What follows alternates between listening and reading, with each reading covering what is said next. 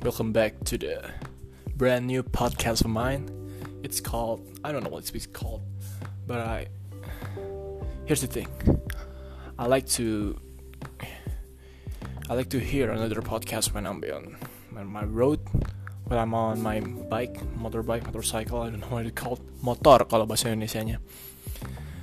So I think I'm gonna make like 10 to 15 minutes videos, and not videos, podcasts to all my Indonesian listener. Ya, yeah, jadi mulai dari sini paling uh, saya akan saya apa gue enak ya? Kayaknya sih gue aja ya. Gue akan bikin podcast 10 sampai 15 menit video pod audio. Sorry, belum terlalu biasa dalam podcast ini ya buat nemenin lu lu pada yang suka naik mobil naik motor atau apa pun yang sendirian yang bosen dengerin musik udah jenuh apa segala macam biar dengerin ya semoga podcast yang gue bikin ini kayak sedikit bermanfaat buat nemenin kalian jalan-jalan. Ya ah ini audio ini untuk ngetes. Pertama kali gue baru download aplikasi Anchor Anchor Anchor Anchor. What the fuck you wanna call it? So yeah I'm just gonna try to publish this. If this if the sound sounds really shit kalau suara jelek ya karena gue cuma pakai HP nggak pakai mikrofon yang mahal-mahal gitu. Ya yeah. so stay tuned for my podcast. Oh untuk konten yang bakal gue bikin mungkin gue ngomongin tentang sejarah-sejarah beberapa artis atau mainstream media yang gue senang seperti YouTube. Hmm, musik-musik tertentu juga. Mungkin pengalaman pribadi kalau nanti gue udah ngebangun audiens ya ini untuk ngetes doang bakalan gue upload juga nggak tahu bakal gue hapus sama nggak mungkin ini kalau suatu saat suatu saat podcast ini bakal besar tapi kayak uh, ya yeah, who knows? Yeah. So yeah bye. Peace out.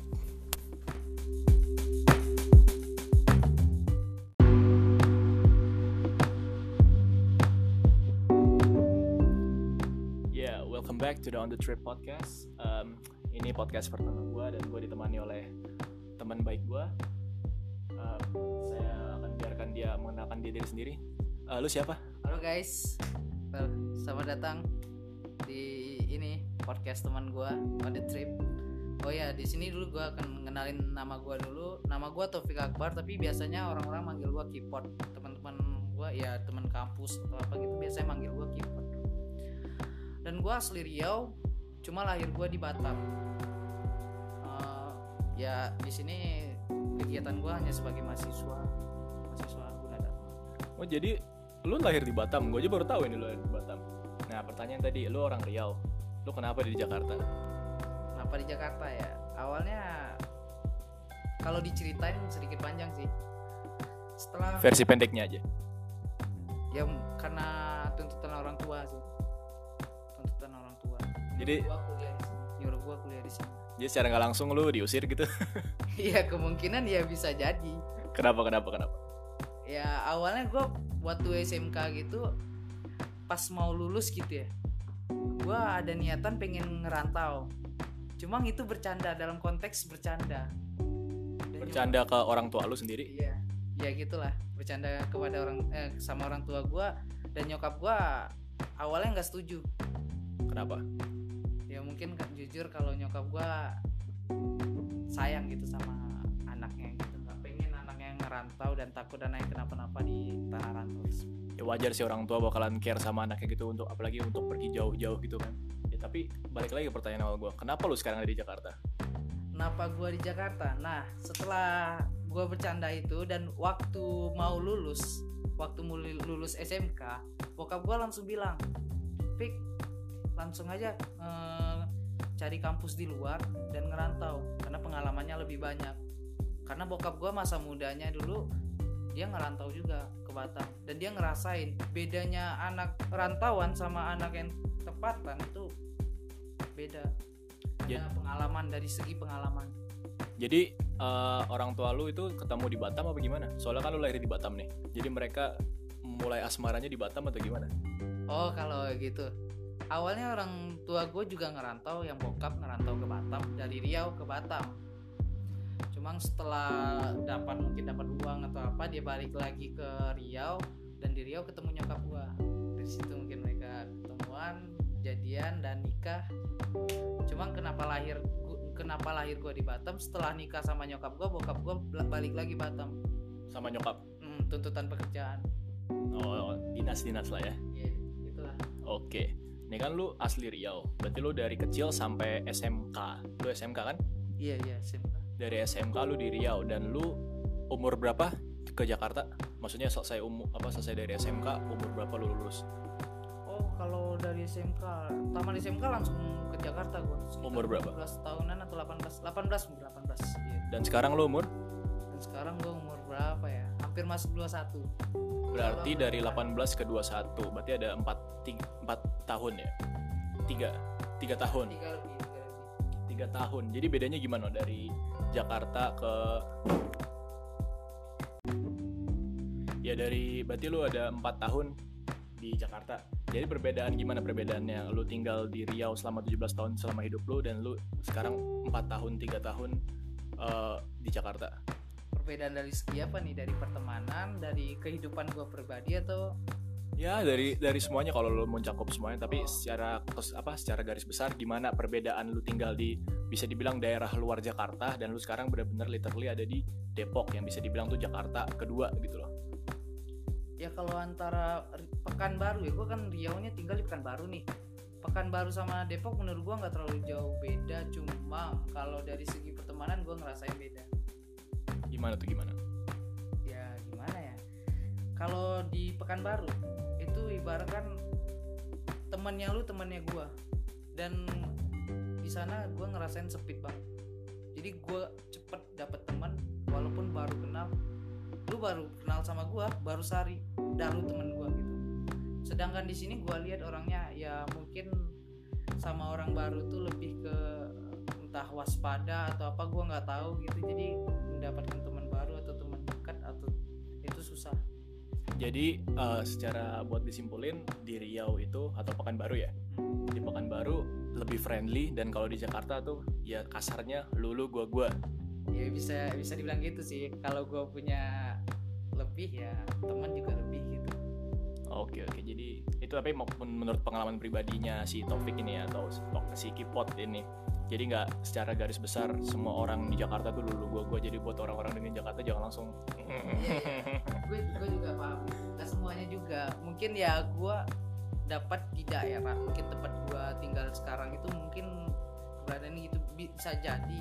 Bukan hanya karena apa tadi ba- batasan yang tadi bisa jadi karena setiap orang di sini sama kayak di Amerika sana ketemu orang baru itu bukan langsung percaya. Atau mungkin mereka ada pengalaman pribadi yang nggak bisa mereka lupain ya. Jadi mereka sama orang baru lebih was-was gitu. atau enggak lu bilang tadi di Pekanbaru itu sempit. Jadi orang ketemu-ketemu ya langsung berteman. Sedangkan di Jakarta lu baru keluar dikit ngeliat orang tuh udah orang asing semua. Jadi mereka males mungkin nambahin pertemanan lagi. Yang sedangkan mereka tuh udah punya banyak teman mungkin gitu ya. Ya bisa jadi sih. Sempit dalam artian bukan wilayah. Karena pekan baru tuh sama Depok ya nggak jauh beda. Kalau masalah luas sempit dalam artian mungkin jumlah penduduk. Kalau yang gue lihat ya karena di sini dalam lingkup 100 meter kita udah ketemu orang ratusan bahkan ribuan gitu kalau di sana kan masih ya agak jarak-jarak gitu. Antara rumah dan rumah juga jauh-jauh di sana. Nggak di sini bahkan satu apartemen isinya bisa ribuan. Oke oke. Jadi kalau bisa dibilang em, lebih menurut lu nih ya, lu baru 4 tahun di sini tapi kayak mending tinggal di Pekanbaru atau lu tinggal di Jakarta nanti contoh kalau lu udah punya rumah atau udah punya sukses lah gitu, udah punya kesuksesan. wah kalau itu tergantung Kenapa? Tengah gimana gimana? kalau misalnya gua dapat kerja kalau gua lebih ke pekerjaan sih karena yang di mana pun setelah lulus kita pasti kebutuhan yang kita kebutuhan tentang kehidupan kita ke depannya istri atau anak-anak ke depannya kalau dapat alhamdulillah gitu ya Ya untuk yang baru dengerin ini teman saya Taufik masih jomblo. Jadi untuk para kalau ada cewek yang dengerin podcast gue ini ya bisa kontak di Instagram at ini promosi atau penghinaan bre promosi sekaligus menghina. iya iya kalau misalnya di sini gua dapat ya ibarat kan gua bisa dengan gaji gua gua dapat rumah dan dengan gaji gua gua bisa menghidupkan kehidupan lebih prefer hidup di sini ya. Menurut gua di sini apa apa aja bisa dapat eh, produk-produk kampung gue bisa dapat produk kota gue bisa dapat bahkan produk luar kayak impor itu lebih dap lebih cepat dapatnya tapi kalau misalnya ya amit-amit di sini gue hanya dapat kerjaan kayak UMR atau 4 juta segit- 4 juta ke bawah gitu. Kemungkinan gue milih lebih milih di kampung. Kenapa di kampung gue ya karena di sana menurut gue lebih gampang dapat pekerjaan dan keluarga juga banyak yang bantu. Misal gue kenapa-napa Oke oke oke. Jadi ngomongin masalah Pekanbaru rumah lu, lu sekarang kangen nggak sama Pekanbaru dan orang tua lu dan segala macam teman-teman di sana? kangen pastinya pertama sama nyokap gue nggak tahu kenapa gue sayang banget sama nyokap gua. gitu aja Ya, oh, oh, oh, oh. oh kalau sama teman kalau sama teman-teman ya kangen juga sih yang gue bilang tadi kalau gue ngerasa ngerasa nyaman lebih sama teman-teman di sana karena pengalaman ya namanya mungkin hidup gue udah lama di sana gue banyak teman di sana dan di sana teman gue udah kayak saudara juga ya lebih pastinya lebih kangen lah Oke oke.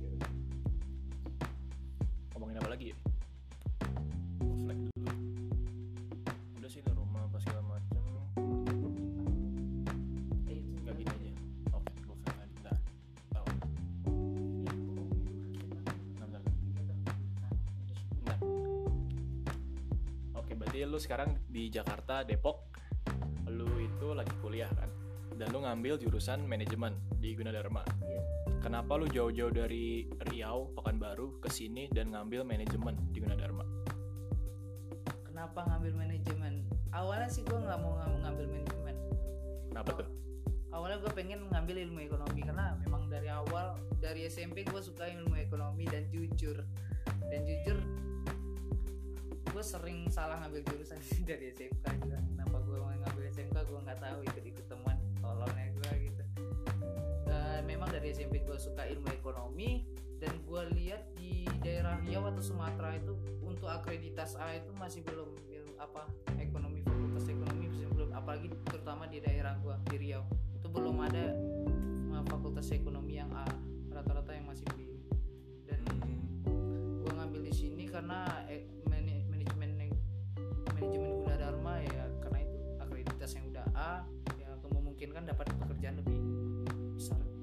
Kenapa nggak mencari apa nggak targetnya negeri gitu?